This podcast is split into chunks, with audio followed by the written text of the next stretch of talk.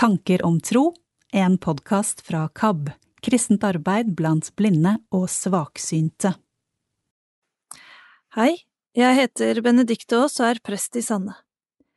I dag vil jeg dele noen tanker med dere om tro. Vi skal eh, møte Nikodemus i Johannes 3. Jesus og Nikodemus Medan han var i Jerusalem i påskehøgtida, kom mange til tru på navnet hans, for de så de teikna han gjorde. Men Jesus var ikke fortruleg mot dei, for han kjente alle, og han trong ikke at noen skulle vitne om mennesket. Hva som bodde i mennesket, visste han sjølv. Kapittel 3 Det var en mann som het Nikodemus. Han var fariseer og satt i rådet til jødene. Han kom til Jesus om natta og sa, Rabbi, vi veit at du er en lærer som er kommet fra Gud, for ingen kan gjøre de teikna du gjør, uten at Gud er med han. Jesus svara og sa til han, Sannelig, sannelig, jeg sier deg, den som ikke blir født på nytt, kan ikke sjå Guds rike. Nikodemus sier til han, Hvordan kan en som er gammel, bli fødd? En kan vel ikke komme inn i morslivet igjen og bli født andre gangen? Jesus svarer, Sannelig, sannelig, jeg sier deg, den som ikke blir født av vann og ande, kan ikke komme inn i Guds rike. Det som er født av kjøtt, er kjøtt, og det som er født av anden, er ånd. Undra deg ikke over at jeg sa til deg, de må fødast på nytt. Vinden bles dit han vil. Du høyrer han suser, men du veit ikke hvor han kjem fra eller kvar han fær. Slik er det med hver den som er født av Anden. Korleis kan dette gå til? spurte Nikodemus.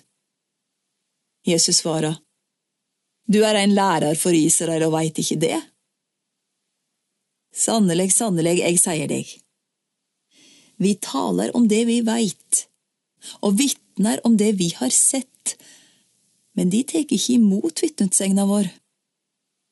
Dersom de ikke trur når jeg taler til dykk om de jordiske ting, hvordan kan de da tru når jeg taler til dykk om de himmelske? Ingen har stiget opp til himmelen uten Han som steg ned fra himmelen, menneskesonen, som er i himmelen. Og slik Moses lyfte opp ormen i øydemarka, slik må menneskesonen lyftast opp, så hver den som trur på han skal ha evig liv. For så elska Gud verda, at han ga sønnen sin, den einbårne, så hver den som trur på han, ikke skal gå fortapt, men ha evig liv. Gud sendte ikke sønnen sin til verda for at han skulle dømme verda men for at verda skulle bli frelst ved Han. Den som trur på Han, blir ikke dømt. Den som ikke trur, er alt dømt fordi han ikke har trudd på navnet til Guds enbårne sønn. Og dette er dommen. Lyset er kommet til verda, og menneska elska mørket mer enn lyset, for gjerningene deres var vonde. For den som gjør det vonde, hater lyset og kjem ikke til lyset, så gjerningene hans ikke skal komme opp i dagen. Men den som følger sanninga, kjem til lyset, så det skal bli klart at gjerningene hans er gjorde i Gud. Nikodemus var en mann som bodde i Jerusalem. Han var skriftlærd og fariseer og medlem av Det høye råd. Han var derfor en mann med mye innflytelse og makt i byen. De skriftlærde kunne skriftene og teologien, loven og skikkene. Som fariseer var han medlem av det partiet, og Det høye råd, ja, vi kan kanskje kalle det for vårt storting. Han blir nysgjerrig på Jesus. Hvem var han, han som gjorde så mange tegn og under, og blir nysgjerrig på den læren som Jesus formidler? men nettopp kanskje fordi han har den posisjonen han har, våger han ikke møte Jesus på dagen, men kommer til han på natten. Jeg tenker at også vi noen ganger kjenner på den usikkerheten å møte Jesus på dagen. Kanskje vi også er redd for å være for kristne eller religiøse og vår nysgjerrighet, våre spørsmål, det vi undrer oss over, tar vi med oss til Jesus som en hemmelighet om natten. Derfor er jeg glad for at vi har Nikodemus. Jesus møter ham når han kommer. Men han møter han kanskje på en annen måte enn det Nikodemus hadde forventet. Nikodemus forstår ikke alt det Jesus sier til ham. Kanskje blir han mer forvirret enn det han var da han kom, og underveis i samtalen så faller han ut, og Jesus fortsetter å snakke. Jeg tror ofte møtene vi har med Jesus blir annerledes enn det vi hadde tenkt, slik det ble for Nikodemus. Det er ikke alltid vi forstår ting med en gang. Som regel kommer ikke troen som noe ferdig i møte med Jesus. Nikodemus er en av de som er et eksempel på det i Bibelen. Vi møter han flere ganger. Første gang i Johannes 7. Da tar han Jesus i forsvar. Og i Johannes 21 Møter vi Nikodemus igjen, da har han med seg salve for å salve Jesu legeme etter korsfestelsen og hans død. Nikodemus er underveis og i bevegelse. Troen og relasjonen til Jesus vokser over tid, og slik er det også med oss. Vi er underveis og i bevegelse. Troen modnes, relasjonen til Jesus blir sterkere.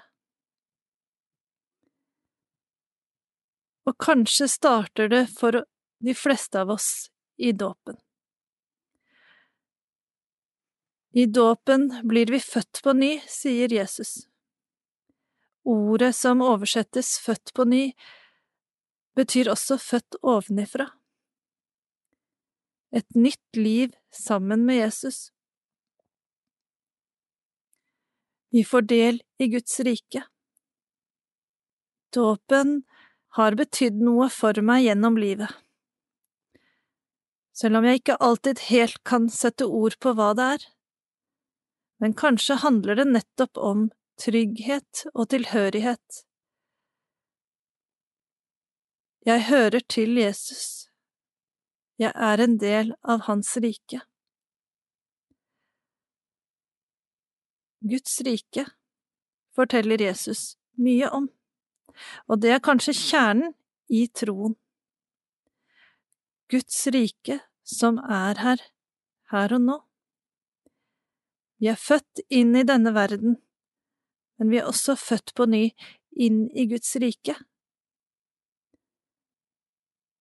I Guds rike er ting annerledes. Der skal vi tjene hverandre. Der møtes vi av en ubetinget, grenseløs kjærlighet. Der er vi gode nok som vi er. Der trengs vi. Guds rike er noe av det viktige Jesus vil formidle til oss, at Guds rike er nær. Et rike der han er leder, ikke med å kjempe eller med makt, men ved å tjene.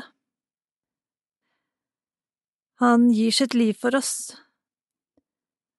Der får vi tilgivelse, der slipper vi å prestere, men de tjener hverandre.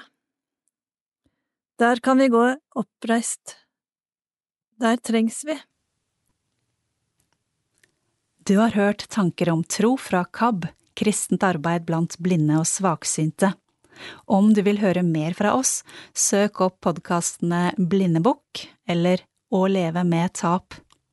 Se gjerne vår nettside kab.no, eller send oss en e-post kabalfakrøllkab.no, eller så kan du ringe 6981 6981.